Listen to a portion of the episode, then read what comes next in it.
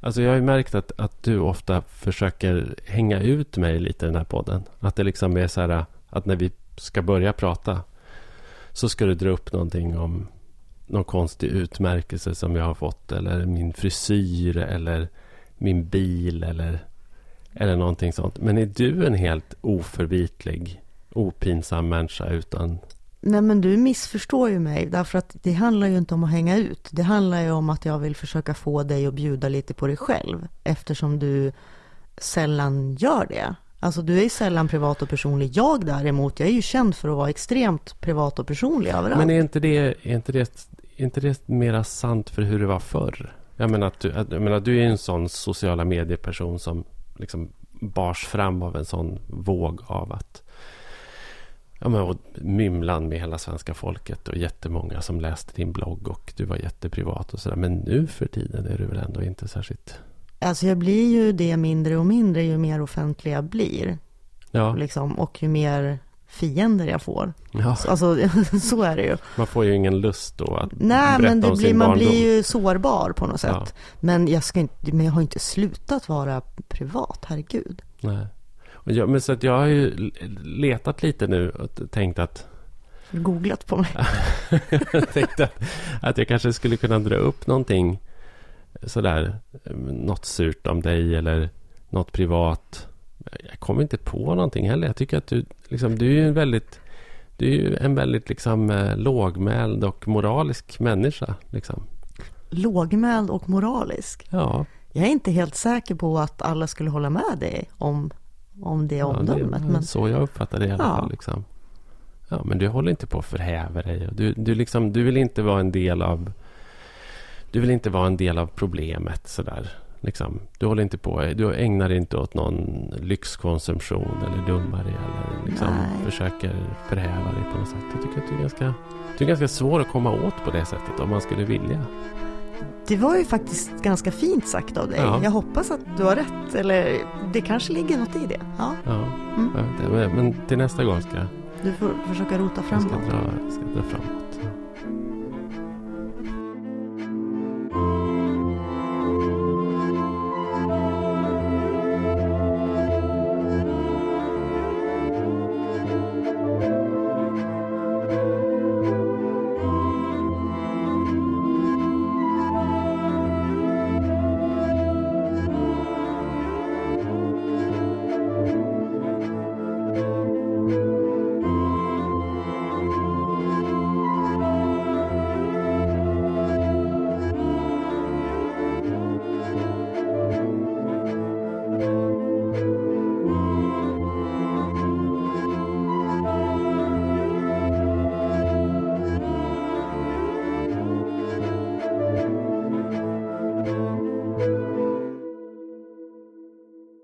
Välkomna tillbaka alla ni som, som eh, överlevde förra, förra avsnittets eh, mangling av Landsbygdskommitténs slutbetänkande. Och även ni som kanske hoppade över det också. Ja, Eh, ja. fast det var rätt okej. Det, det är ändå, vi har fått ganska överraskande positiv respons ändå tycker jag från folk som har ändå lyssnat på hela och tyckt att det var givande. Liksom. ja. Ja, vi försökte ju lätta upp det på mer eller mindre. Ja. Sådär, även om det är svårt när man ska gå igenom en flera hundra sidor tjock katalog. Liksom. Mm. Ja, ja nej, men det, är inte, det är inte så rolig läsning. Liksom, även, om det, även om man är, har något specialintresse så, där, så är det väl liksom... Nej, men, det Men- var väl det som var poängen. eh, Att folk skulle slippa läsa den. Men även få del av innehållet. Mm. Och som så funkade det väl, tror jag. Ja. Att folk har också Ja men, responderat. förhoppningsvis. Ja. Ja. men förhoppningsvis. Mm. Nu är det ju ändå liksom som att eh, regeringen håller i det här, håller i den här frågan. Och, Landsbygden. ja, Mm. precis. Och nu när vi spelar in det här så har Stefan Löfven nu tror jag han är i Iran. Men han har just genomfört någon typ av landsbygdsturné som ju var ganska liksom modest ändå. Men Ja, han besökte väl några platser ja, på några dagar. Och, och väldigt, eh, väldigt rask takt skulle jag vilja säga. Mm. Som när han gjorde Jämtlands län på en dag, då var han i Östersund, han var i Vemdalen och han var i Sveg. Och det är alltså ganska, det är ändå 20 mil från Östersund till Sveg. mm, Eh, Men han hann med det. Det var för övrigt då enda platsen i Norrland som ingick i den här landsbygdsturnén. Sen var han ju i Grängesberg i Dalarna, någonstans i Värmland. Och ja. Mm. Han höll sig nogsamt borta från Sollefteå i alla fall. För det är, en, det är kanske en plats där man inte vill vara som socialdemokrat just nu. Kan, kan vara så. Det hade varit att be om problem. Ja, och det är ju Socialdemokraterna som fattar besluten i Sollefteå Ja. landsting. Så att, mm. Ja. Men alltså frågan är om det ger någonting det här. Liksom, han, har ju, han har ju gått ut och sagt att, att det här är ett sätt att liksom, kanske egentligen bortom realpolitiken så, så, så är ju det, det här är ju väldigt mycket signalpolitik från hans sida. Att han ska liksom visa nu att han bryr sig om landsbygden och klyftorna i Sverige och att eh, nu, nu ska han läka ihop det här för vi ska minsann inte hamna där USA är. Liksom. Mm. Och vi ska inte släppa fram någon populist som vill dra nytta av de här klyftorna. Liksom. Jo, så är det ju. Och vi ska också ha klart för oss att det är inte Löfven ensam. Eh, Han har ju en hel stab som såklart Mm. har kommit fram till att det här är en bra grej att satsa på nu och nu ska vi göra det här. Men vad jag tror är att just eftersom det är Stefan Löfven som är Socialdemokraternas ordförande och statsminister så är det desto mer lyckat. Eftersom nu får han liksom visa sig i sitt rätta element på något sätt. Han är ju ändå en lantis själv. En Ja. lantis och en arbetare som, som på något sätt är hemma i de här miljöerna han besöker och som på riktigt kan prata deras språk. Mm. Jo, jag såg någon bild på honom. Det var någon intervju som handlade om anledning till att han en gång i tiden hade engagerat sig från första början var för att han som, som fackligt aktiv gick in och, och, och bad om att man skulle få stolar att sitta på på fikarasten så att man inte skulle behöva sitta på EU-pallar och upp och nervända lådor. Liksom. Och sen så illustrerades det av någon bild på honom där han stod vid någon sån här typisk norrländsk raksträcka. Eh, och det var nästan så att jag, det var nästan så att jag så här gick på det själv. Eller att åtminstone liksom reagerade väldigt positivt på ett, på Mm. ett för mig avslöjande sätt. Så Mm. att jag kände så här, att jag var tvungen att... Men det blir Liksom- ju positivt eftersom det är han. Det skulle ju Mm. inte ha varit trovärdigt, tänker jag, om Mona Sahlin hade gjort den här grejen. Nej. Eller Palme som ju var liksom fin ad, Stockholms adel. Liksom. Alltså, Nej, det funkade men- ju inte. Nej, så att, så att av den anledningen så blir det ju ändå äkta. Sen är det klart att, det, och jag tänker att för sossarnas del så är det väl ändå bra att de har upptäckt vad som är Stefan Löfvens styrkor. För de har ju inte kommit fram. Nej, och det kände jag själv när jag, när jag intervjuade honom till tv-serien Resten av Sverige. Så hade vi också ett upplägg där vi satt på campingstolar vid något campingbord liksom, Mm. vid något fält. Och, Extremt idylliskt såg det och ut. drack så. kaffe Mm. ur termos och, och, och liksom och då märkte jag ju också att han, han trivdes med det. Han, han, det, var en, det var en roll som han, gärna, som han gärna gick in i. Att sitta på den där campingstolen och dricka kaffe ur en termos och, och, prata, om, och prata om landsbygd. Även om jag inte tycker att han levererade särskilt mycket. Liksom. Det tror jag inte han tyckte själv heller egentligen. Men att, men att, men att som, men som person eh, och som offentlig person, som politiker så var det där ett tillfälle som jag tror att han hade längtat efter. Sen tänker jag på eh, alltså det vi har pratat om, där med människor, alltså när vi har pratat utifrån ja, men Sollefteå eller glesbygd överhuvudtaget, att människor känner sig övergivna, långt bort från staten. Mm.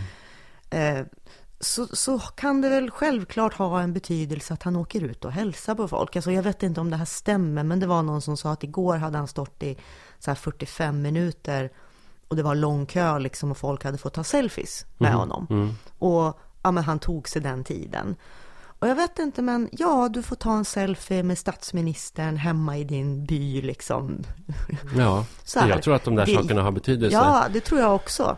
Eh, Jag, jag, jag, har börjat, jag kan tipsa om det. Jag har börjat lyssna på en amerikansk politikpodd som heter Pod Save America. Väldigt rolig titel. Men den görs av ett gäng för detta talskrivare åt Obama. Som ju nu Mm. är arbetslösa då. Eh, och som pratar, ja de pratar ju om allting hemskt som, som händer och som Trump hittar på och som den nya administrationen hittar på. Men de, men de pratar också om hur Obama jobbade och de pratar om hur det demokratiska partiet har misslyckats på en massa punkter. Och då är ju just det här som de återkommer till är ju alltså vikten av att vara ute i landet. Eh, och som jag tror har en enorm betydelse i USA och som jag tror att vi underskattar i Sverige. Eh, också det här, just den här känslan av att nej men, han har inte varit här. Och då räknas inte det han säger. Han sitter där någon annanstans. Och det där tycker jag att man möts av som journalist också. Vad vet du om, vad vet du om hur vi har det här? Du sitter bergis i Stockholm eh, på din mm. lilla tron eller, och, mm. och sippar på en latte och du har ingen aning om min verklighet. Att det är sånt där argument som människor har väldigt nära till. Eh, och som det, som det samtidigt är ganska lätt att komma bort ifrån. Genom att faktiskt åka ut och, var, och göra någonting och vara synlig. Liksom. Eh, så att jag, tror att det, jag tror att det är rätt. Jag tror att det är rätt tänkt. Liksom. Mm. Sen kan jag ju fundera på, jag menar, om nu Löfven lyckas med det här. Ja, han har ju inte riktigt lyckats bli en person eh, inför väljarna, känner jag. Han är ju han är lite vag, liksom, och man, man inte riktigt vet, man vet inte riktigt var han är hemma. Men, men om vi ponerar att han skulle slå in på den här vägen och liksom köra uppkavlade skjortärmar eller vindtygsjacka och åka runt i landet. Så tror ju jag att till exempel Annie Lööf och Centerpartiet får mycket svårare med sin demonisering av Löfven och av socialdemokratin. Absolut, och, och där kan man väl ha invändningar eh, gentemot den här turnén. Just att det är en turné. Att, det, att de gör det till en jättestor grej. Att mm. nu ska Stefan Löfven ut i landet. Och, och, som om ja, det är första gången det händer. Och, och det är en väldigt speciell händelse. Och, och, där kan man ju ge Annie Lööf rätt då, som, som faktiskt har sagt nu under den här turnén att, att vad är det här för trams? Vi, jag är ute i landet varenda vecka mm. och träffar folk och har gjort det under hela min partiledartid. Liksom. Så att, och, och, och, där är jag ju benägen att hålla med. Så att, ja... Fast hon behöver ju andra sidan inte åka till Iran med ett antal storföretag. Nej, nej, för att nej, göra, nej. Liksom, självklart, självklart är det tid. så. Men självklart är det så att hon har mer tid som partiledare i opposition. Men, men det handlar ju också om olika prioriteringar. Och det är självklart att han skulle kunna prioritera att lite oftare som rutin åka ut Verkligen. i landet. Och, och, som... och, inte bara åka ut i landet och hälsa på på, på liksom kommunens största företag, utan faktiskt möta eh, möta folket som bor där. Ja. Som han har gjort under den här tiden. Alltså han har haft öppna möten mm. eh, dit allmänheten har varit välkomna och tycks ju ha tagit sig tid att ja. möta Och som PR-tänk så har du ju helt rätt i att de ja, att det, det är nog kontraproduktivt att lansera det som en slags mm. One time event på ja. något konstigt sätt. Liksom. Stor, det, stor grej att statsministern ja, hälsar på sina... Det, ja. Och nu åker jag Eriksgata liksom. Och som att det sen, och det, och det kommer inte hända igen. Utan det är liksom, mm. det, det, är nu, det är nu det händer på något sätt. Liksom. Mm. Det, är nu han, det är nu han är ute i, bland skräpytorna. Skräpytorna ja. Mm. Eh, vi, fick, vi fick en fråga ja. Eh, på Twitter. Mm. Eh, som lyder, är det rimligt att Stockholm har högre tillväxt än Kina? Eh, och det här är ju någonting då som Kjell A Nordström tycker om att åka runt och prata om. Mm. Och på senaste tiden så har det då uppmärksammats hur han pratar om skräpytorna som ju då är typ hela Sverige utanför Stockholm, Göteborg och Malmö. Där det bara bor ett par alkisar och någon pensionär mm. eller vad han uttryckte sig. Mm. Vi kan börja med att säga vem han är. Kjell A Nordström mm. är en, en eh, hårlös eh, person i 50-årsåldern med väldigt stora plastbågade glasögon och som gillar att uppträda i mysdress. Om jag förstått saken rätt. Han gjorde det i alla fall på det där på den där businessforumet. Där, en skön där han snubbe. En skön snubbe. Men han är väldigt medveten om sitt varumärke. Han är en slags rockstjärneakademiker, eh, tycker han själv. Han har varit med sedan tidigt 90-tal. Han kallas ofta felaktigt för professor. Fast han inte. För att han en gång i tiden var associate professor på Handelshögskolan. Och associate professor eh, på svenska är helt enkelt lektor. Och mm. det är någonting som man kan ägna sig åt eh, efter man har doktorerat. Så kan man eh, Mm. bli lektor eller ha en Han är lektorstjänst. doktor i någonting. Han är doktor i Mm. ekonomi på Mm. Handelshögskolan. Men han är inte knuten till Handelshögskolan. Men han... Ja, han, må- många tror att han är professor på Handelshögskolan. Och det verkar inte som att han lägger någon större energi på att rätta dem som tror det heller kan man säga. Och sen har han sedan tidigt 90-tal har han eh, åkt runt och föreläst och tagit ganska bra betalt för det. Eh, den senaste summan jag hörde var att han tar någonstans kring 150 000 för en föreläsning. Det är ganska saftigt tycker jag. Sen har han gjort några böcker och alla handlar om att kapitalismen är superhärlig. Och jag har sett honom föreläsa faktiskt både för jag tror första gången för 23 år sedan och andra gången för kanske tre år sedan. Och han säger exakt samma saker. Alltså han har i princip inte ändrat sitt manus under de där åren. Utan det han säger är att urbanisering är toppen. Det är i städerna allting kommer hända. Eh, och att digitaliseringen har förändrat precis allt. Och ingenting är längre sig likt. Och att... Eh, Han har väl kört mycket på det här Asien också? Att så- snart är det Asien som tar över och Asien tar över. Och sen så har han en sägning som han säger som, och som får då alla businessmänniskorna att så skratta lite.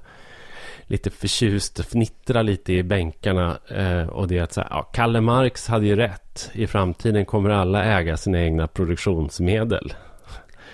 Eh, och, och det, vilket, ju inte, vilket ju inte är sant. Men det, men, men det var ju, det var ju så här, så här liksom credo under de under så här digitaliseringserans mest optimistiska period så, så var det där liksom att alla har ju sitt intellektuella kapital och då äger man också sitt, sina produktionsmedel. Men, men ehm, det där går ju att smula sönder ganska lätt så att säga. Utan det som har hänt är ju att andra är ju att företag även äger det intellektuella kapitalet och människors hjärnor. Så därför så äger man inte sitt, sina egna Men du, produktionsmedel. du på, nu har vi presenterat Kjell A. Nordström. Mm. Eh, Men, men det Framgår vi att jag inte skulle- gillar honom så Det vi skulle prata om, Ja. alltså dels har ju folk blivit väldigt upprörda över att han kallar Och det- landet för skräpytor. Ja, men, och det är jag också skitsur över därför att jag tycker egentligen inte att han ska ha någon uppmärksamhet. Nej, så då, Nej. då lägger vi ner här. Eller ska vi försöka, försöka svara på den här frågan?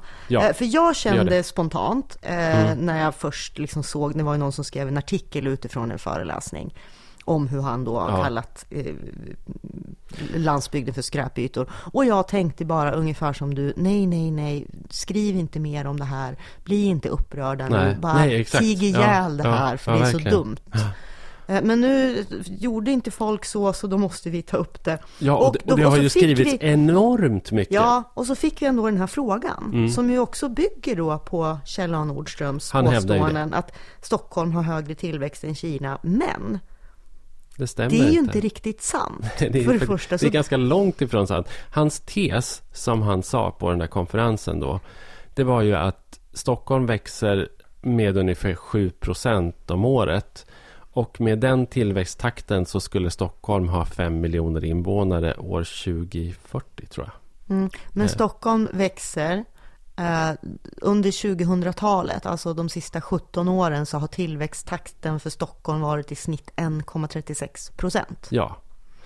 Och då blir det inga 5 miljoner 2040 överhuvudtaget. Och Nej. det är dessutom så att den här tillväxten eh, nästan uteslutande beror på, på migration. Alltså den beror ju på att det kommer utrikesfödda till Sverige och de bosätter sig i Stockholm. Och det gäller ju även för befolkningsökningarna ute i landet. I princip all befolkningsökning.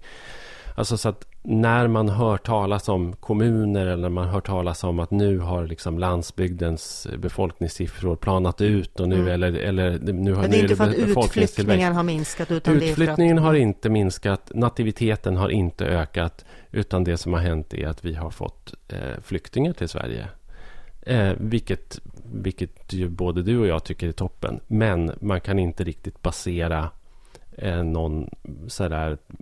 Man kan inte riktigt basera några tillväxtprognoser på, på, dem, eh, på de siffrorna och på, på just de människorna, tyvärr. Nej, så folk fortsätter att flytta från landsbygden Mm. och eh, till storstäderna. Sen har det ju blivit svårare att flytta till Stockholm. Mm. Eh, Alltså den här, den här utvecklingen har ju, om man tittar bara på absolut senaste två, tre åren så ser det ut att ha minskat eh, tillväxt, alltså tillväxten i Stockholm. Men det beror ju också på att det, det, det, går ju inte att hitta en bostad. Det går ju inte att bosätta sig i Stockholm om man inte flyttar in i en klädkammare hos någon. Eh, liksom Nej, det är ju svårt alltså. i hyra. Jag vet inte om vi har pratat om det tidigare, men det var ju en, publicerades ju en lista på hur mycket, ja, hur, hur mycket måste man månadsspara och hur länge för att kunna komma in på bostadsmarknaden i olika svenska städer. Och då tror jag att i Stockholm så var man tvungen att månadsspara eh, 12 000 kronor i månaden i fem år. Mm. För att ha råd med kontantinsatsen för att köpa en lägenhet på 50 kvadrat. Och det, det säger ju sig självt att då måste man ju antingen då ha kapital eller komma från en familj där det finns ett kapital eller någonting att belåna. Eller också så måste man ha en väldigt, väldigt hög lön som gör det möjligt att avsätta 12 000 skattade kronor per månad i fem år. Eller så har man haft smarta föräldrar som har haft tillräckligt mycket pengar över för att spara åt en under ens uppväxt. Det var ju mm. stort på nyheterna häromdagen bara. Eh, hur mycket man behöver spara från det att ens barn föds. Mm. för att de ska komma in det är ju på, enorma. Ja, ja, herregud. Ska du ju avsätta. Mina barn har inga sådana pengar kan jag säga. Nej, men det är ju bara att räkna på. Men då ska du ju, mm. av, då ska du ju sätta av då. Jag menar, säg att du har två barn. Då ska du ju nästan sätta av kanske 8-10 000 kronor i månaden då under hela deras uppväxt. Ja, tre. Det ja. hade nej, varit nej. omöjligt. Ja, nej, men det, nej, det, så ja. det, det, där är inte, det är inte riktigt... Det är inte... Det är, jag vet inte, Kjell Nordström... Det handlar ju mer om... Han skrev ju också en bok eh, här om året tillsammans med Per Slingman som fick ganska mycket uppmärksamhet. Mm. Den här Urban mm, Express. Mm,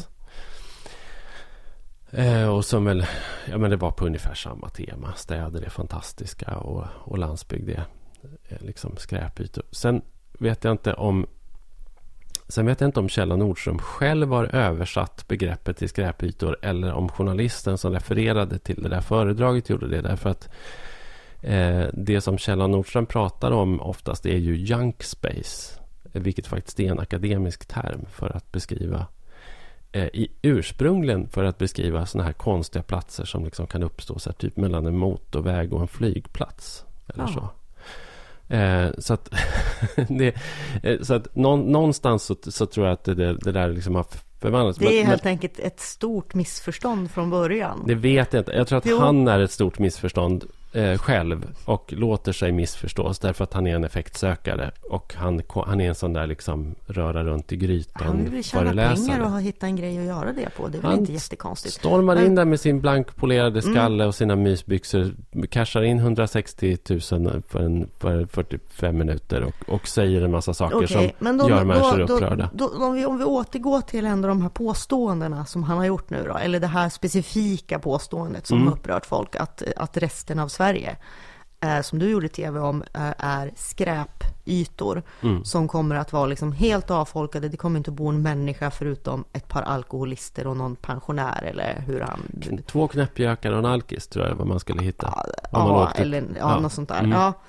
Eh, och, och samtidigt så är det ju så att, att det pågår ju en avfolkning. Landsbygden håller ju på att ja. avfolkas och det är ju så att eh, på vissa ställen så är det ju mer eller mindre hela byar som nästan eh, är utplånade. Och, ja, alltså SCB men, kom med en ny, jag ska mm, bara mm. fylla på med det, för SCB kom bara förra veckan med, med en ny sammanställning. Och då, det, det, det är liksom gamla siffror egentligen, men sen 80-talet då så har hälften av Sveriges 290 kommuner tappat invånare. Tittar man på landsbygdskommuner så har två tredjedelar tappat invånare. Och det finns 33 kommuner i Sverige som har tappat mer än en femtedel av sina invånare sedan 80-talet. Och detta då samtidigt som städerna växer ganska ohämmat. Sen kom det en annan sammanställning av statistik eh, jag tror dagen efter som inte liksom hade med den att göra för den kom från tillväxt, eh, tillväxtanalys eller något sånt där. Och som handlade om produktiviteten i de olika svenska länen. Och då är det ju så att Västerbottens län och Norrbottens län som ju har då en, liksom alla de här kommunerna som tappar befolkning. De har en mycket högre produktivitet per capita, så kallad BRP, mm. än vad Stockholm har. Mm. Så att Ja, det, det, är ju hela den, mm. det är liksom jo, hela sen är också frågan, alltså, man kan ju prata om skräp på så många olika sätt. Är det här ett ställe som tjänar Sverige på något sätt? Mm. Och där kan vi ju konstatera att Norrland gör ju det. Det har vi ju tjatat om till förbannelse eh, med våra råvaror och vattenkraft och mm. gud, ja. Eh, så på det sättet så är det inte skräp. Även om alla skulle flytta härifrån eh, så finns ju naturresurserna kvar och någon kommer att åka hit och hämta dem mm. liksom, så länge de finns. Så det är inte skräp utifrån ett sådant ekonomiskt perspektiv. Eh, det är inte heller skräp utifrån att man nu i allt högre grad också lyfter landsbygden liksom, och vyerna och naturen för dess egen skull. Att det är en skönhet som ska liksom bevaras för att folk ska vilja åka dit. Mm. och det gör man ju inte om det vore skräp. Man åker ju inte till en soptipp på semester. Liksom. Eller, så, så, att, så att man kan ju säga att, att vilket perspektiv man än anslår så har, har han ju fel eh, om vi nu utgår ifrån att det inte är en dålig översättning Nej. av junk space. Därför att Eh, därför att det, det, kan ju inte uppstå i Norrland eftersom det knappt finns några motorvägar i inlandet. Liksom. Så att... Nej, men det, alltså det, det som jag tror att den där termen eh, då, då liksom hänförs till är liksom improduktiva ytor. Alltså miljöer och platser som, som liksom inte producerar någonting. Det, det händer ingenting. Det fin, finns ingen ekonomisk aktivitet. Och det var ju det han sa också att landsbygden är en plats där det inte pågår någon som helst liksom, ekonomisk aktivitet och sen så jämför han då med Stockholm och Malmö och Göteborg. Mm, och, det, och, då är han ju det, verkligen ute och cyklar och då, det ja, inget tvivel om. Ja, precis. Och då har vi, då tycker jag att då har vi sagt det kanske en gång för alla. Att han är ute och cyklar. Och det är många andra som har varit ute i debatten och sagt att han är ute och cyklar. Eh, jag kan bara tycka att det tråkiga är att diskussionen om stad och land alltid blir så fruktansvärt polariserad på det här sättet. Att det liksom, att det ska, att det liksom, det känns som att man måste börja om hela tiden. Som att man måste säga de här sakerna om och om och om igen. Varför kan vi liksom aldrig landa på en platå där den gemensamma kollektiva kunskapen i Sverige är att både stad och land behövs. Eh, landsbygden har högre produktivitet per capita på många håll. Eh, vi har liksom så här... Jo, fast det där, det där vet alltså, vi ju. Jo, men man måste ändå och, börja om. Och det där vet ju alla, alltså jag menar alla rimliga människor håller ju egentligen med. Problemet är ju att det inte funkar i liksom dagens medieklimat att ha några nyanser överhuvudtaget. Utan då måste du välja sida. Mm. Eh, annars drunknar du. Alltså de nyanserade rösterna får ju inte plats. Nej. Det, det är ju problemet. Därför att Eh, även om du och jag kan ses som någon slags landsbygdsföreträdare så här, så vill jag säga att nej, jag är inte det. Jag är en Norrlandsföreträdare, jag bor i en stad, även mm. om det är en liten stad i Norrland. Men alltså jag mm. bor i en stad, jag är ingen lantis på det sättet. Eh, eh, även om jag gillar landet. Eh, jag har inga som helst problem med storstäder, det har inte du heller. Du och, det har vi pratat om. Vi mm. älskar mm. storstäder och vi gillar landsbygden och vi tycker att hela Sverige ska leva och eh, ja men men det jag vet, det är bara så otroligt men, men tjatigt i, och Men tråkigt. i en offentlig debatt, alltså om, om du blir inringd till tv eller mm. om jag för att liksom, nu ska vi prata om det här, mm. då funkar det ju inte att ha en sån analys liksom, utan då måste man ju vara så här extremt eh, för eller emot svart eller vit. Ja, och jag kan bara säga att, att när, när landsbygdskommitténs eh, slutbetänkande kom så blev jag kontaktad av ett medieföretag, jag ska inte säga vilket, som ville ha in mig i, i studion för att jag skulle prata om det här i direktsändning och vad jag tyckte om landsbygdskommitténs betänkande. Och mot mig så hade de då tänkt att de skulle ställa en person som Eh, från eh, det här eh, från tankesmedjan Timbro som skulle då komma in med perspektivet vi ska inte hålla landsbygden under armarna. Det som inte bär sig ekonomiskt förtjänar att dö. Och då känner jag bara så här kan vi inte, har vi inte kommit lite längre? Så här, om, om man, om, jag menar, säg, säg nu att till exempel att regeringen eller riksdagen presenterar en utredning om, om eh, tillgänglighet och handikappades rättigheter i samhället. Skulle man då plocka in någon som skulle sitta och svamla om att nej, vi ska sluta hålla handikappade under armarna. Vi ska inte bygga några ramper. De ska inte få några hjälpmedel. Nej. De ska inte få några nej, rullstolar. Men nu, nu, liksom. Det där var ett jättebra exempel. Därför att det är, det är också en av anledningarna till att vi inte har någon utbredd, stor eller liksom vitt offentligt samtal om funktionshindrades situation eftersom den är inte medial. Den funkar inte för du kan inte få en person att stå i en tv-studio och säga att nej, nej, nej, handikappade ska inte ha några pengar eller ja, funktionshindrade. Mm. Det kan du inte göra. Eller som, som hela, det har ju varit en jättegrej nu att man drar in på LSS och folk försöker skrika väldigt, väldigt högt om det. Men du kan ju inte få en konflikt om det i, i tv eller radio. Därför att eftersom, det måste vara en konflikt. Eftersom alla... Nej, jag, jag säger ju det. Och ja. det, det, är ju självklart ett problem. Jag, säger, jag håller ju inte med dig om att det är bra att det är så. Men det är ju så det ser ut. Och jag tror ju inte att människor innerst inne sitter och är så svartvita eh, som det verkar. Nej. Jag menar, det är som du, du säger också, ja men jag är också en sån person som tänker att ja men om folk inte vill bo på landet, då flyttar de ju därifrån. Det kanske vi inte ska göra någonting åt. Jag menar, sånt kan ju jag också yttra ibland. Nej, men, alltså, men eftersom... Jag tänker inte binda fast människor på landsbygden. Det som jag, ha, det som jag kan hata mig själv för i sådana här lägen, nu, nu sa jag ifrån i, i, mm. i den stunden så sa jag så här, nej men jag tänker inte ta den debatten. Så att om ni bjuder in den personen så kommer inte jag. Eh, men, men det som vi just gjorde till exempel när vi pratade om Kjell Nordström och skräpytor och hela den grejen. Så glider man automatiskt in i en retorik där man börjar försvara landsbygden med ekonomiska argument. Och det kan jag också störa mig på. Att, att man tvingas till det hela tiden. Att, att, det liksom, att landsbygden inte kan få vara en miljö som finns bara för att den finns. Eller liksom, mm. Och för att människor tycker om den. Och liksom så här, varför, varför måste den hela tiden konkurrensutsättas i, och i konkurrens med liksom med Stockholm, med, med Stockholm och mot, mot Sveriges tillväxtcentrum. Mm. Men argumentet mot det, eller det är ju det att, att man inte ser, det är inte det att man kräver att Norrland ska liksom leverera, utan det är ju det att det, det finns, nej men, nej, nej men, får jag prata till punkt? Ja. Utan det är ju den här synen på att Norrland är tärande. Det handlar ju inte bara om att Norrland inte skulle vara närande, utan att folk tänker att det kostar pengar. Och, och då tror jag att, att ja, det är det det handlar om. Det för, landsbygden får väl finnas så mycket som helst och Norrland och folk får bo där, men det ska inte kosta skattebetalarna någonting att folk vill bo ute i glesbygd. Nej. Det är väl det. De måste inte leverera, men de ska fan inte kosta pengar. Jag tycker nog att kravet är hårdare än så. Eh, jag tycker att eh, dels finns den här felaktiga föreställningen om att, om att liksom Norrland och landsbygden kostar pengar. Mm. Och, att, och sen så finns det då vissa i debatten som hävdar att det, att det inte ska få kosta. Men jag tycker också att verkligen att det finns fog för eh, liksom påståendet att, att landsbygden måste legitimera sig hela tiden genom att leverera.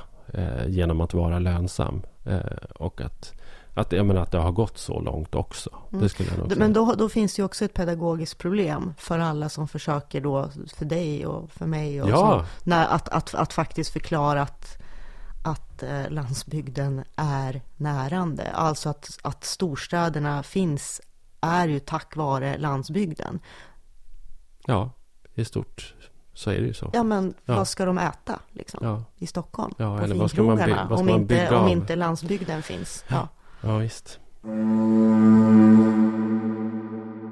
Jo, innan vi eh, in, innan vi gjorde den här genomläsningen av, av eh, Landsbygdskommitténs slutbetänkande mm. så bad vi om hjälp från er lyssnare att eh, stötta oss via patreon.com Norrlandspodden. Och det var det faktiskt en hel del som gjorde. Mm. Så att podden är liksom ändå hyfsat finansierad. Men om det är någon som, som vill liksom fortsätta eller, eller känner i sitt hjärta att den, att den vill stödja vårt arbete så, så finns möjligheten öppen hela tiden. Ja, och vi är såklart jättetacksamma och tycker det är kul att ni värdesätter våra röster så pass att ni faktiskt betalar för det. Mm. Mm. Så att, eh, det är ganska enkelt då. Man går in på patreon.com snedstreck Norrlandspodden och där kan man bestämma hur mycket man vill skänka till eh, varje program. Mm. Och pengarna dras bara när, när vi faktiskt levererar ett program. Mm. Och man kan också bestämma hur många program och liksom mm. nivå på det och sådär. Så, så det, det, är, det är enkelt och smidigt.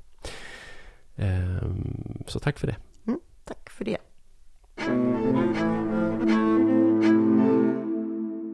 Det är faktiskt flera som har frågat ett antal gånger fast vi har hela tiden glömt bort det, taskigt nog, vem som har gjort våran signatur.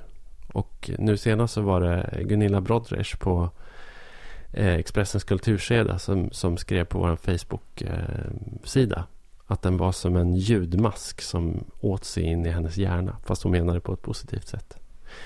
Eh, och den är gjord av eh, Petter Granberg. Som är en musiker från Luleå. Eh, och som har, har samarbetat med eh, Mattias Alkberg bland annat. Och spelar i Amanda Bergmans band.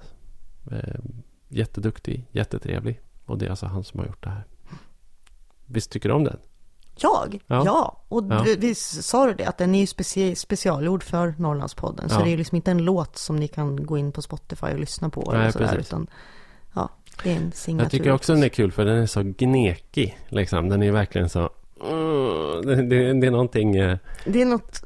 Det är någonting väldigt surt och sådär... Uh, Bittergnälligt. Ja. Ja, och samtidigt så det låter ju som oss kanske, ja, lite grann. Det. ja, det är så kongenial med, mm. kongenial med innehållet på något mm. sätt. Ja. Jag har ju jobbat eh, ganska mycket genom åren med den här gruvan i Pajala, Northland-gruvan, som jag har skrivit om och eh, som även var eh, eh liksom i fokus i första avsnittet av tv-serien Resten av Sverige. Mm. Som vi även pratade om en hel del i första säsongen av, mm. av podden. Ja, precis. Mm. Eh, det var ju liksom, det är ju ett av, ett av de stora industriprojekten i Sverige i modern tid egentligen. Och det slutade med den största eh, konkursen i svensk historia.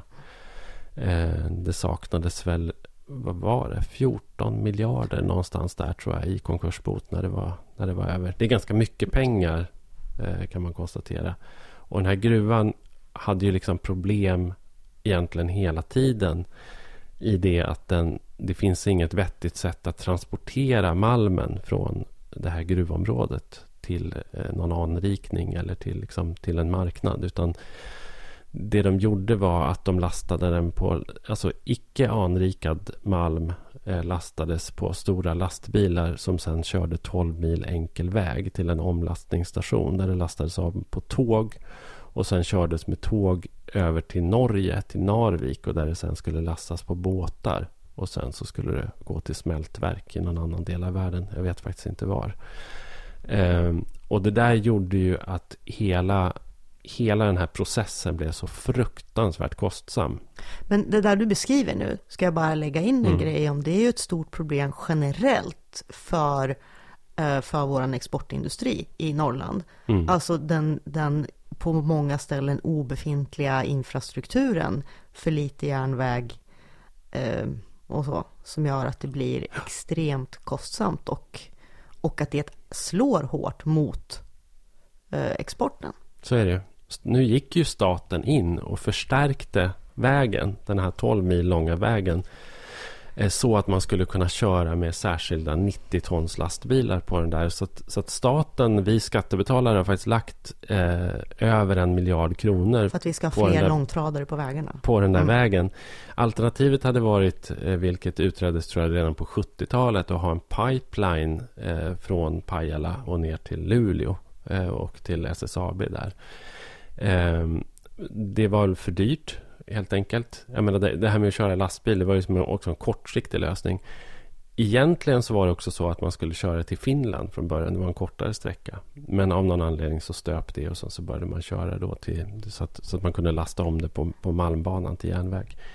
Men, men det där gjorde ju att den här malmbrytningen blev väldigt, väldigt kostsam. Och det som hände var ju att man hade bundit sig vid ett väldigt högt malmpris. Och det var ju så att malmpriset som, som egentligen var stabilt, alltså från energikrisen på 70-talet och fram till slutet av 00-talet så kostade ett ton järnmalm ungefär 40-50 dollar.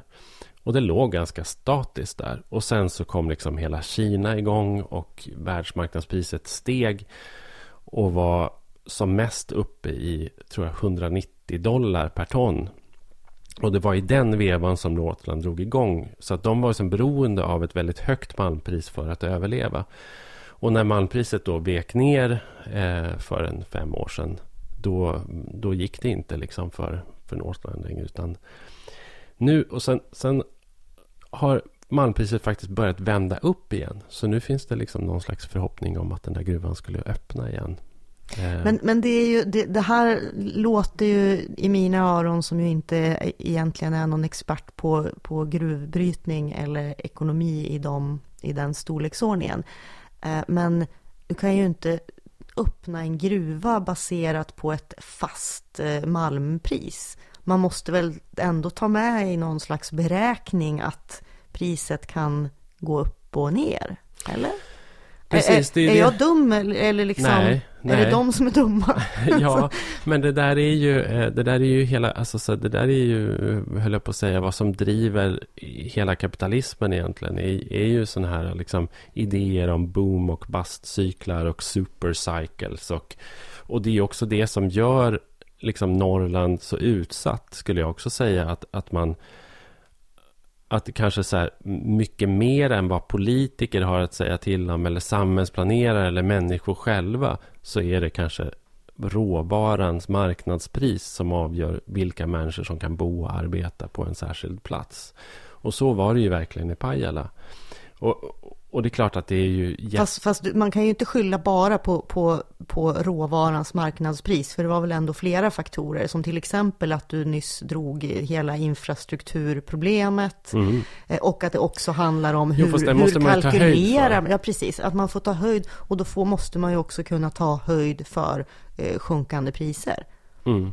Ja, ja, absolut. Och det, och det gjorde de ju inte riktigt. För nu låter det som om du står och försvarar den här Northland och det vet jag ju att du inte, nej, inte gör. Nej, det eller? gör jag inte. Jag tycker ju att det, jag menar, jag har ju varit så pass mycket i Pajala och pratat med folk och känner folk där och sådär. Så att jag tycker liksom synd om dem. Även om jag inte liksom är världens anhängare av gruvor direkt så kan jag ju också liksom känna att det där var ju en, en fruktansvärd händelse för det där samhället. Och jag kan ju också tycka att det är ganska hemskt nu då att, för det här, det här stod att läsa i Dagens Arbete och då var det en, en gruvexpert, en professor på LTU, eh, Luleå tekniska universitet, som var ute och sa att nu, nu kan eh, den här gruvan öppna igen.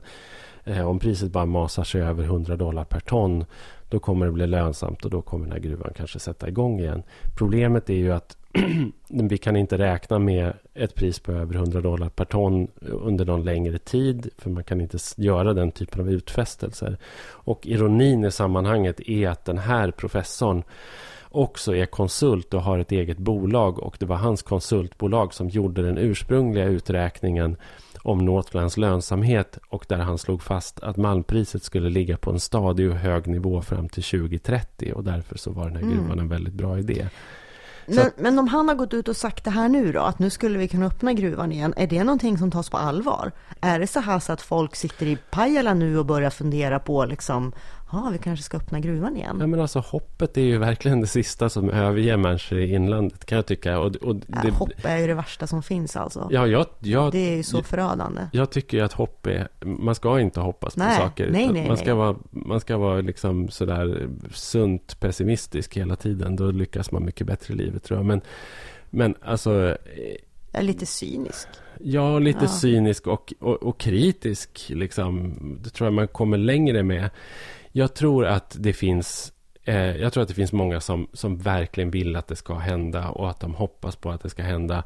Men jag tror att det ska väldigt mycket till innan Pajala kommun till exempel försätter sig i en likartad situation som de gjorde då när gruvan kom igång runt 2012. Och de lånade pengar för att göra infrastruktursatsningar, bostadssatsningar och sådana saker för att liksom möta upp. Det kommer de inte göra igen baserat på liksom malmpriset eller fantasier om vad som ska hända med malmpriset. Och, det, Nej, det och sen är, är väl bra. de sakerna gjorda redan så att säga. Vägar som har byggts och sånt. Det... Jo, ja precis. Fast sen det måste du ju få igång, få, få saker att börja snurra mm. igen såklart. Mm. Om, ja. Mm. Ja, ja. ja, det om det. Ja. Eller hade du något mer att säga om nej, nej, gruvan? Jag inte, men, men, man kan säkert återkomma till det. Jag tycker att det är spännande. Liksom. Ja. Spännande ämne. Ja. Ehm, jo, det som också har hänt, som vi inte har pratat om, det är att regeringen också har antagit en livsmedelsstrategi. Har du, har du sett det? Eh, jag har sett det. Jag har inte satt mig närmare in i den.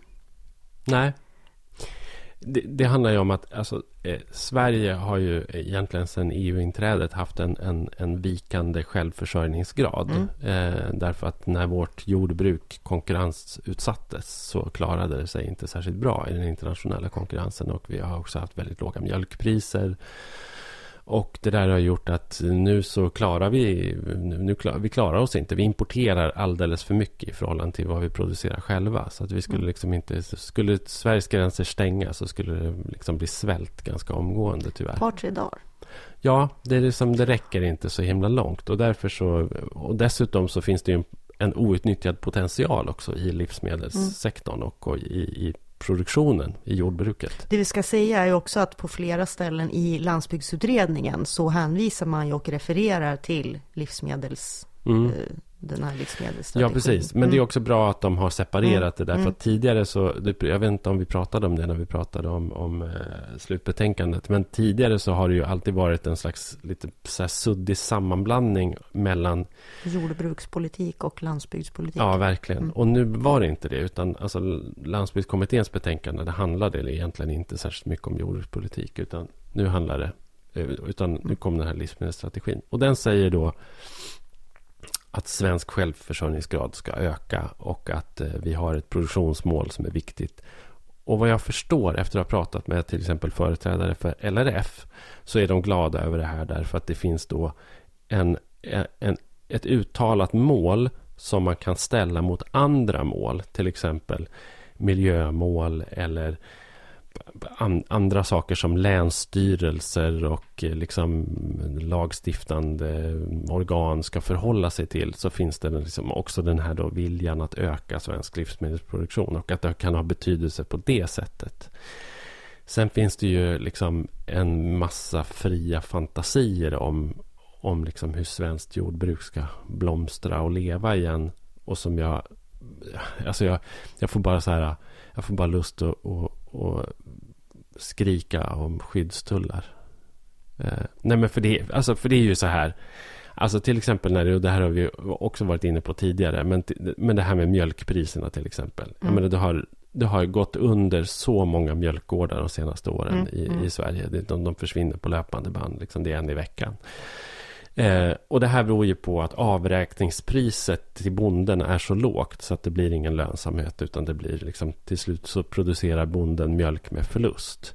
Mm. Och varför är då avräkningspriset lågt? Jo, därför att avräkningspriset på mjölk i Sverige är baserat på eh, marknadspriset på mjölkpulver som sätts av råvarubörsen i Chicago. Och det styrs av eh, ett flertal olika faktorer och de, de viktigaste är eh, handelsembargot mot Ryssland, eh, vädret på Nya Zeeland och den kinesiska medelklassens tillväxt. Så det är de olika faktorerna då grovt sett som styr priset på mjölkpulver och som sen styr avräkningspriset från Norrmejerier och Arla och andra aktiva mejerier i Sverige. Och det finns ingenting där som en svensk politiker kan göra någonting åt överhuvudtaget. Punkt. Och vill vi göra någonting åt det så måste vi lämna EU och införa skyddstullar. Så därför är egentligen allt annat totalt meningslöst. Mm. Um. vad, vill du att jag ska säga nu? Jag, uh, ja, jag tycker inte att vi ska lämna EU eh, på grund av det här, även om, även om jag ser problemet med just uh, mjölken. Men har du då läst den här strategin? Hur, hur är tanken att man ska öka till, till exempel mjölkproduktion? Och är det, vill jag också då fråga, är det verkligen mjölkproduktionen som ska öka? Nej, finns det ja. annan mat, livsmedelsproduktion, det som kanske är lite av lite modernare snitt? lite insekts... Eh, nu, säger ju, nu flaggar ju faktiskt mejeriföretagen för att det kommer bli framåt våren här brist på mjölk och grädde och smör i Sverige. Mm. Därför att vi har så låg Jag tror det redan, redan in, har börjat. Ja, inhemsk mm. produktion. Mm. Så det är klart att det vore önskvärt. Eh, och sen så tror jag att svenska konsumenter kanske också vill köpa. Men och det, det är också det här liksom, hur det pratas om det, liksom att svenska konsumenter säger ja men välj svenskt eller köp. Fast det spelar ingen roll därför att det ironiska i sammanhanget är att det styr inte avräkningspriset. Alltså Nej, bonden, bonden får, får inte... inget mer. Men, men, men ähm, det, det, här hänger väl också ihop då med centralisering, alltså att alla bönder är anslutna till Ala eller Norrmejerier. Norrmejerier. Ja. Eh, men eh, gårdsförsäljning så kan väl bonden ta vilket pris han jo, vill. Men det, till det, exempel. det är en möjlighet, men då måste man ju också så här, finnas rent fysiskt ganska nära en marknad. Och, och det är ju problemet då att, att väldigt många som producerar mjölk eller andra liksom livsmedel i Sverige, de, de finns ju av förklarliga skäl mm. jo, jo, inte Jo, jo, jag ser ju inte det här som någon, som någon lösning så, utan Nej. jag ville bara dubbelkolla att så är det mm. ju. Men, uh, men det är ju så här, det här med hur man ska lösa det här, alltså, det beror ju också på vilket parti man frågar. Jag tror att eh, liksom, Centerpartiet till exempel då som har kopplingar till LRF och, och liksom bonderörelsen sen gammalt och mm. fortfarande sådär. De pratar ju nästan enbart om eh, liksom, alltså en typ av incitament, eh, uppluckring av regelverk, eh, bättre villkor för företagande och sådana saker. Mm. Och, och, tänker sig att det ska lösa alla problem.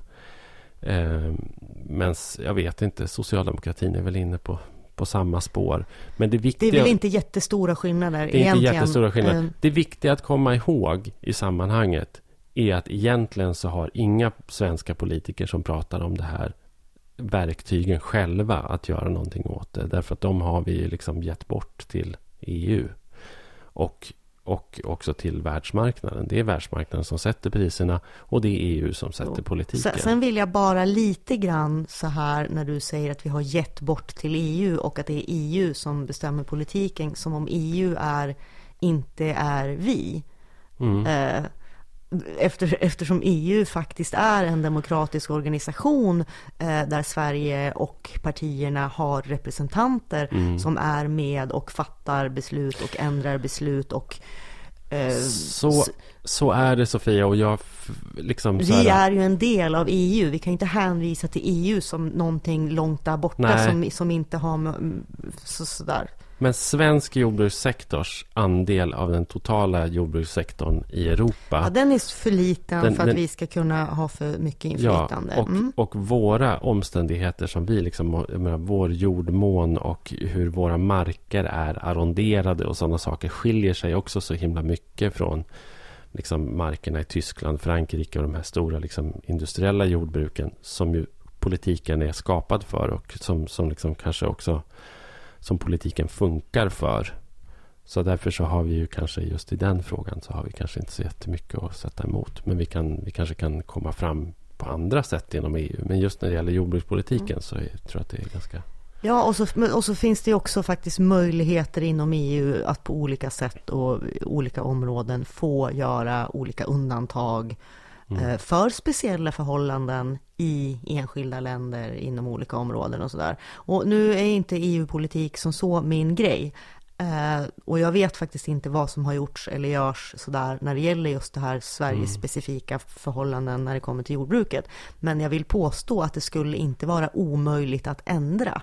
Eh, du säger att enda lösningen är att gå ur EU. Jag tror att det är bättre att stanna kvar i EU och försöka förändra mm. EU. Mm. Eh. Ja, men jag vill inte vara någon Swexit-snubbe heller. Eh, så att, så att nej, vi, vi, behöver vill, inte, vi behöver inte gå där. Men nej, men du lät lite så, så jag ville ja, bara... jag vet, men, mm. men det är lite sådär, jag kan känna, jag, jag kan, det, det handlar mera om en frustration från min sida, tror jag, om liksom när politiker är ute och pratar om de här sakerna och alla som har trängt in i dem vet att det finns bara så mycket som en politiker kan göra egentligen. Liksom. Att det, och så kan jag känna, apropå liksom, om vi ska fånga upp det här med det här slutbetänkandet från landsbygdskommittén också, så att det finns eh, för när jag har tänkt på det efteråt så, så, så kan jag känna så här, men var, var, var, vi lite för positiva kanske till det här slutbetänkandet? Eller så här, var... Fast var vi inte vi generellt ganska neutrala? Ja. Tänker jag. Alltså vi gick igenom det. Eh, och, och, kommenterade det. Men det var inte som att vi jublade över någonting. Nej. Vi sa att ja, men det här är väl bra. Liksom. Och jag men, tror väl att vi också Men vi konstaterade in... väl också att, att den ganska mycket var lite urvattnad. Alltså det var inga jätteradikala förslag och sådär, eller? Nej, nej men precis, ja men det sa vi väl och jag tror att vi slängde in en brasklapp också på slutet att liksom ska man åstadkomma en förändring på riktigt så kanske det är helt andra saker man måste göra. Det var väl, och det var väl det jag också kände så här att jag ville så här flika in igen att, att ja men alla de här förslagen, ja men de kan vara vällovliga men jag vet också att det som egentligen krävs är någonting mycket större. Liksom en, en, en mycket större förändring, alltså framförallt av skattesystemet i Sverige. Det är väl liksom det. Jag skulle... Jag vet inte. Eh, jag låg vaken faktiskt här jag natten. Jag tänkte på det, för det togs ju, det, det togs ju inte upp. Nej, eh, inte i, i, i, den här, i det här betänkandet. Nej. Så, så pratar man inte om, om skattesystemet. Om det alls, nej. nej. Det gör man inte. Och jag låg vaken och tänkte på det. Liksom, att tänk, om jag, tänk om man fick göra om skattesystemet. Vad, vad roligt det skulle vara. Mm. liksom. Men du har alltså lösningen på landsbygdsproblemen i ett förändrat skattesystem som skulle se ut hur då? Ja, det, ja men det, ja, men någonstans Nej, men för har du jag, har ju också ja, läst du, jo, det här precis. med liksom utjämnings... Ja, Eh, jag har inte lösningen på var, alltså var, var människor vill bo eller varför eller så. Liksom det har jag inte. Men jag har, kanske, jag har kanske idéer om hur man skulle förändra skattesystemet för att göra liksom, förutsättningarna för stad och land något mer jämlika. Mm. Och, det, och det tror jag är så här. Jag tror att vi skulle över, överlag så tror jag att vi skulle må bra av i Sverige om vi sänkte skatten på arbete. Eh, Åh! Vilken... Oj! Nu skulle, Oj. nu skulle lyssnarna se den glada minen här ja. hos den liberala ledarskribenten. Men det tror jag faktiskt. Ja. Men, och, och, istället så skulle vi då ha en högre skatt på, på liksom produktion. Eh, och det skulle ju gynna landsbygden. Och sen så skulle vi ju ha en, en större uppsättning då lokala skatter så att vi fick liksom ta del lokalt av eh, vinsterna. Lokal från, företagsskatt, bolagsskatt, att man ska betala skatt ja. där man har sin verksamhet. Ja. Det, ja, men det har vi ju pratat om flera gånger och där tror jag vi är ganska överens om att mm. ja. Och jag tycker att, att det också någonstans så tycker jag att det vore rimligt om, om eh, företag och sådana som exploaterar natur eller, eller producerar saker om de eh, bär bär mer av det offentliga. Att, att, man, att man skulle liksom öka... Det här, det här håller du kanske inte med om då, men, men att man skulle öka skattetrycket där och lätta på det för, för medborgarna. Jag skulle kanske kräva snarare ett, ett större ansvar för, eh, för det man ställer till med som kanske inte utkrävs eh, i så stor utsträckning nu. Nej. Alltså om ett ja, företag släpper ut gift eller skit eller mm. en gruva läggs ner och det, det, blir liksom en miljökatastrof i spåren så, så blir, blir det statens ansvar mm. och skattebetalarnas och sådär. Och där tycker jag absolut att, att företagen ska ta mycket större ansvar och jag tycker ju också till exempel, vi pratar om mineralavgifter så tycker jag ju verkligen också att det är riktigt, riktigt märkligt att vi låter utländska bolag komma hit, ta våran malm och inte betala för sig. Nej. Det är faktiskt en helt grotesk eh, konstruktion. Det är rätt gott. Det, ja, men det är ju lite grann, alltså det, det jämför med om, om de skulle komma hit och hugga ner massa skog och ta timret med sig och mm. dra. Ja. Och, och, vi skulle tycka att det var okej okay, liksom. Det är, ja. så, så att där är jag ju helt med också. Betala för er om ni ska ta våra, mm. Våra råvaror. Mm. Verkligen. Ska vi hinna med ett, äh, ett ämne till? Som vi måste prata vi måste, om. Vi måste mm. prata om det. Vi, det, vi känner ett... Eh, vi känner ett... Äh, vi känner press från våra lyssnare. Ja. Och vi har pratat om det förr. Ja, det har vi flera ja. gånger. Ja, ja. Mm. Men det gäller då BB i Sollefteå, numera nedlagd avdelning. Och eh, vi ska väl också säga att numera, eh, nu i veckan i torsdags, så Ja. fattades det beslut om att också lägga ner akutkirurgin. Ja. På samma sjukhus Mm. i Sollefteå. Det blir inte så mycket kvar av det där sjukhuset. Nej, och det, här ska vi väl också bara som en insticksgrej säga att i och med att man har fattat beslut att lägga ner akutkirurgin så är det här BB-beslutet också mer eller mindre permanent. Alltså du kan inte driva en förlossningsavdelning utan att ha tillgång till akutkirurgi. Nej. eh, Ifall det skulle bli svåra komplikationer och det behövs snittas och sådär. Mm. Så att, ehm, ehm, ja, så ser det ut. Ja. Eh, Och det är ju in, inte nytt. Som sagt, vi har pratat om det i Nej. tidigare avsnitt. Jag har också sett, Förutom att nu jag är också- det faktiskt nedlagt på Ja. riktigt. jag har också sett eh, arga människor på Twitter som vill ställa dig till svars för det här. Eh, Ja, de- vill ställa mig till svars. Ja, ehm, och de är väldigt arga. Och för lyssnare som inte vet så håller de ju nu på, de ockuperar ju eh, BB. Mm. Eh, Det är flera hundra människor tror jag som har slutit upp och alltså de är inte där allihopa samtidigt men de har något rullande schema som, som vaktar det här BBet och de vill ställa mig till svars. De vill ställa Eh, alla till svars som, ja, har, som har tagit ställning De vill ställa för alla den här till, nedläggningen. ja, de vill ställa alla till svars som överhuvudtaget inte ställer sig upp och protesterar, Mm. vill, vill jag påstå. Det, för nu har ju inte, jag vill inte säga att jag har tagit ställning för den här nedläggningen så här jättetydligt heller. Jag har sagt att det är ett rimligt beslut utifrån rådande förutsättningar, landstingets Mm. ekonomi och så vidare. Ehm, Varför, hur, hur, hur kan det komma sig att du intar en sån liksom pragmatisk hållning, liksom mak, maktens hållning då på något sätt? Ja, alltså det, det, det gör jag väl inte. Eller det gör jag. Jo, men så här. Eh, landstinget i Västernorrland, precis som många andra landsting, eh, har väldigt länge haft dålig ekonomi. Mm. Och det har varit som en väldigt ond nedåtspiral med jättestora förluster år efter år efter år efter år och ett riktigt Mm. kaos. Och eh, det har under många, många år diskuterats olika sätt att spara pengar. Varje förslag möts ju med livliga protester. Mm. Alltså ni kan inte lägga ner det här eller ni Nej. kan inte göra det här. Och så har det uppstått då ett bråk i, för Västernorrlands läns landsting som det handlar om ska vi säga då. Eh, det är ju då delat mellan eh, två landskap, Medelpad och Ångermanland. Och det här har ju kommit bli någon sla- slags strid mellan landskapen snarare än mellan olika politiska partier. Mm. Det blir ju ofta så. Ja, och så blir det så då att i Medelpad ska man försvara Sundsvalls sjukhus och i, i Ångermanland ska man försvara Öviks och Sollefteå sjukhus, lite beroende på var man själv bor. Och, så här. och det har inte funnits så många Sollefteå-politiker i, i landstinget, till, till exempel. Eh, ja, och, och då skulle jag väl säga så här att felet som har gjorts här, alltså det här borde man ju ha rättat till för tio år sedan på något sätt. Men i och med att det har gått så långt som det har gått eh, så, ja, så tycker jag att det är rimligt. Sen vet jag inte, eh, alltså man kan ju läsa på, det har ju liksom gjorts olika analyser av hur det här slår och hur det här drabbar och så här. Och jag kan inte låta bli då att konstatera att Sollefteå BB är, var eh, Sveriges näst minsta BB. Eh, det föddes inte ens ett barn om dygnet Nej. eh, på BB. Men, Eh, men vet du vad? De mm. där argumenten. Liksom, Det föds inte många. Mm. Fortbildningen funkar inte. Kompetensnivån är jättesvår att Mm. upprätthålla. Det är svårt att rekrytera. Eh, människor åker långt på andra ställen Mm. också.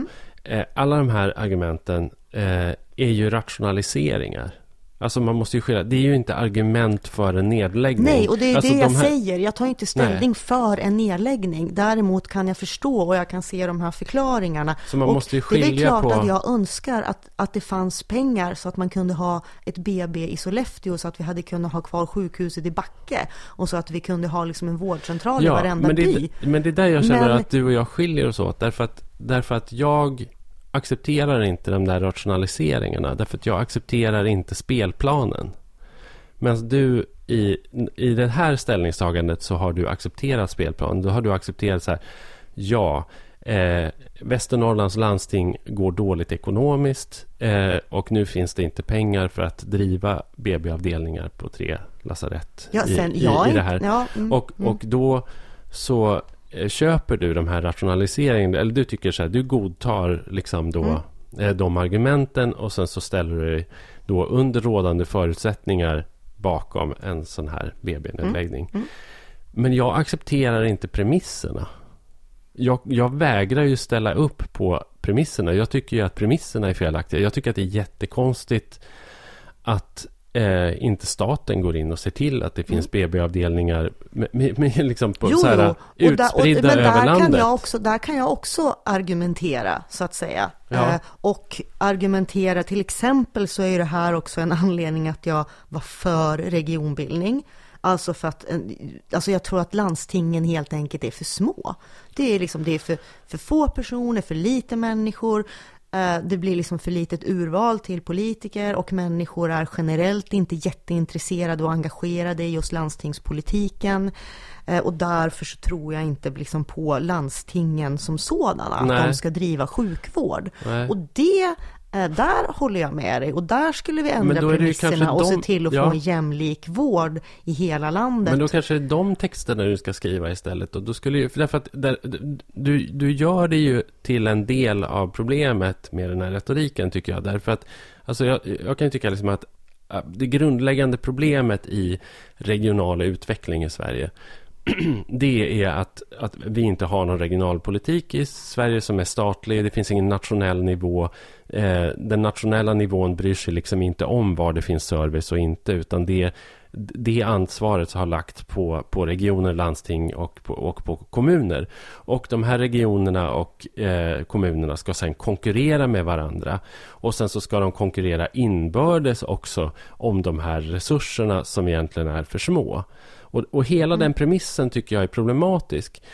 Och, och den, bör, den bör man inte acceptera därför att när man accepterar det och börjar rada upp de här rationaliseringarna då, då har man också gett upp och då, då, då tappar ju styrkan. Om du istället sa liksom så här, nej jag accepterar inte premisserna. Jag tycker att Västernorrlands landsting ska göra gemensam sak med angränsande landsting i Jämtland och i Västerbotten och Ja, ja, i fast- Gävleborg fast- fast- och ta den här frågan, tåga till regeringen och säga till Löfven och Ardalan Shekarabi eller vem som nu lyssnar och säga att den här premissen är helt felaktig. Jo. Nej, vi kan, vi kan inte Men ha grejen är ju den att det tycker ju Ardalan Shekarabi och Ardalan Shekarabi har ju faktiskt gjort sitt yttersta för att för att få de här liksom att samarbeta Mm. i större, i större eh, organisationer.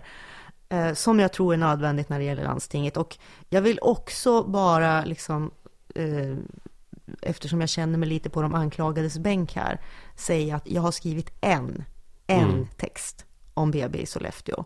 Eh, också därför att jag skriver i Sundsvalls tidning. Och BB i Sollefteå, det är, liksom, det är inte min kommun, det är inte våra täckningsområde, spridningsområde. Sådär.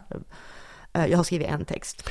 Det är inte som att jag har drivit frågan att lägga Nej, ner men- BB. nej, men jag har led- någon gång tidigare, gemensamma tror jag... ledarsida eller redar, redaktion har ju också bestämt er för Jo, jo, att fast ni det är inte jag som är redaktör, så det är inte jag som bestämmer vad vi Jag ska vet det, tycka. men det blir, men det blir Mm. ändå en intressant diskussion, tänker jag. Att det liksom är, Men jag vill också säga då att våran ledarsida generellt, vi har inte heller förespråkat att lägga ner BB i Sollefteå. Vi har förespråkat att, att landstingsledningen måste, måste konkret göra något åt den dåliga ekonomin.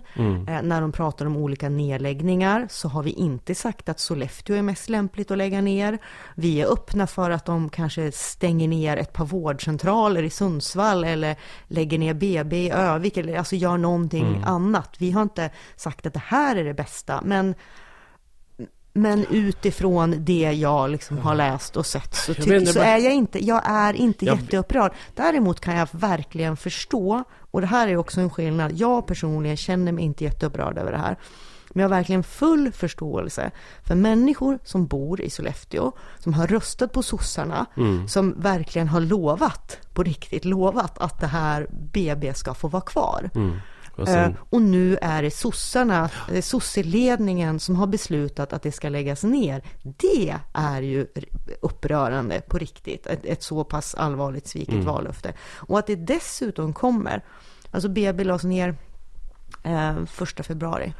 Eh, och, eh, och den 9 februari så går regeringen ut med ett sånt här paket med jättemycket, en halv miljard Mm. eh, till eh, förlossningsvård och mödravård för att den ska förbättras. Och landstinget i Västernorrland fick då ur det här paketet 12 miljoner varav eh, 9 miljoner ska gå till förbättrad förlossningsvård. Eh, 12 Lär ju miljoner att sätta sig i relation till att ställa, sätta sig i relation då till att man sparar 15 miljoner på att lägga ner det här BB i Sollefteå. Mm.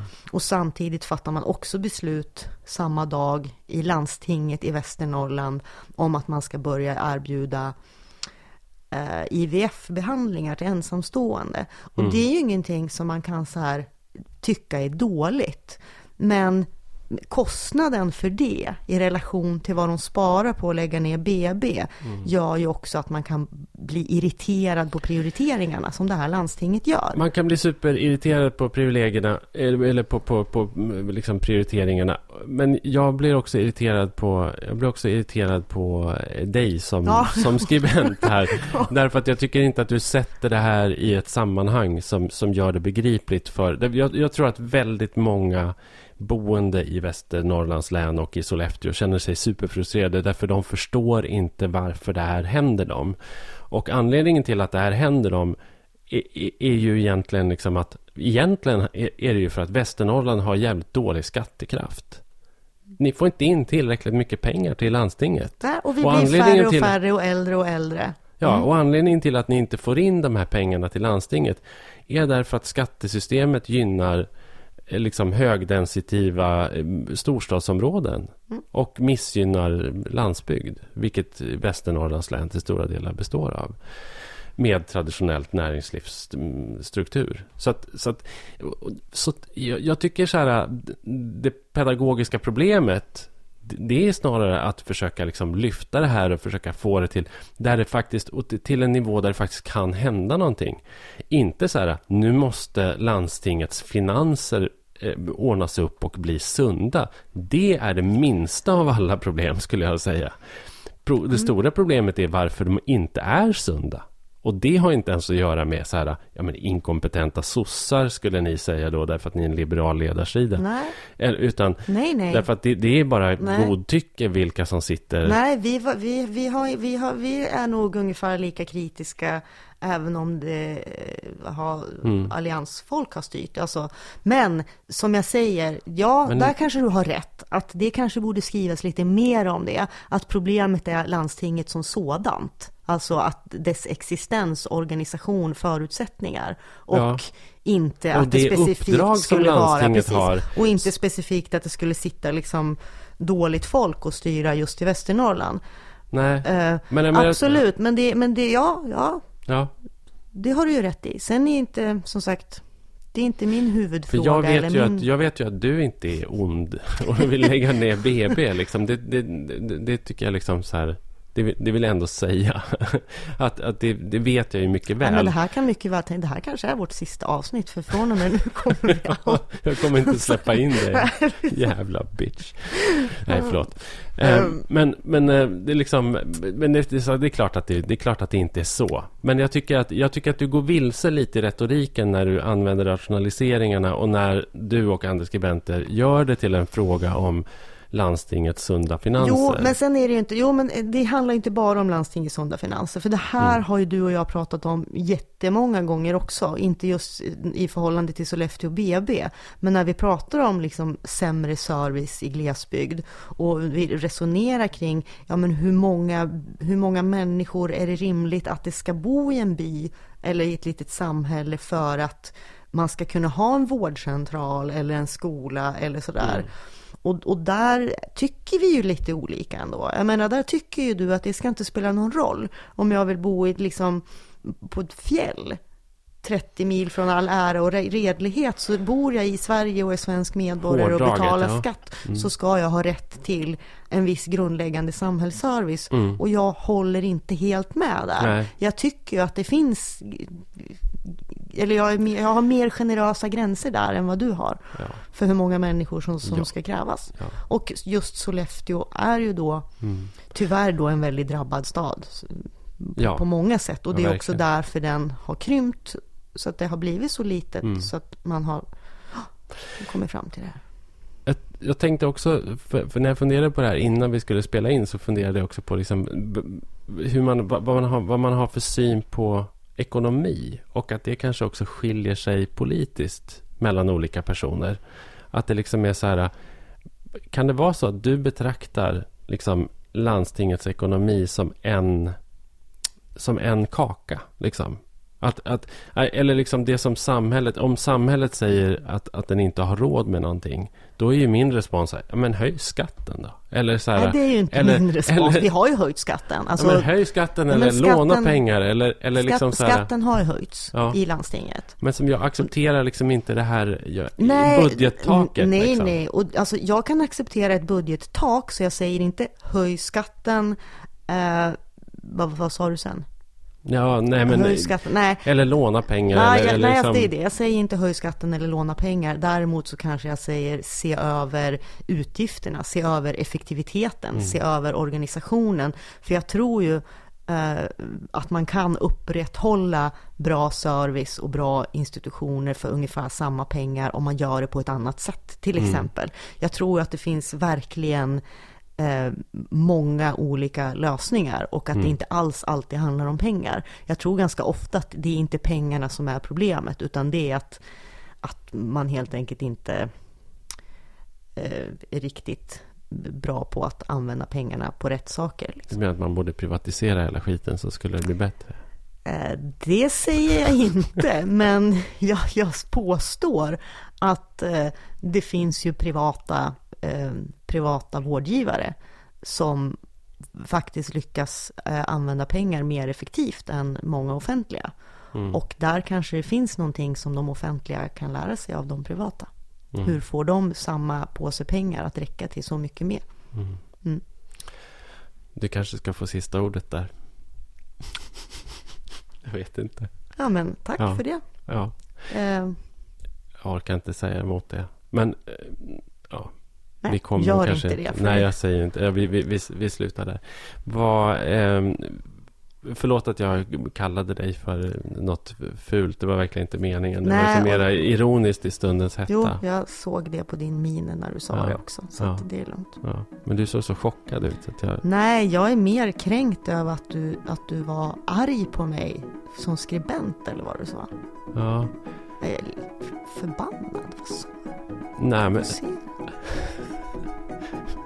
ja kanske. Jag vet inte. Hörru du, tack för idag.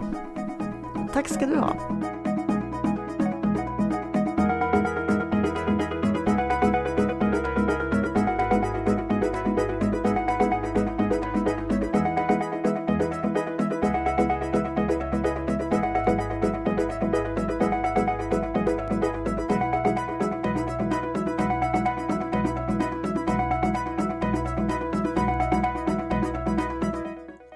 Ålandspodden är en produktion från Teg Publishing.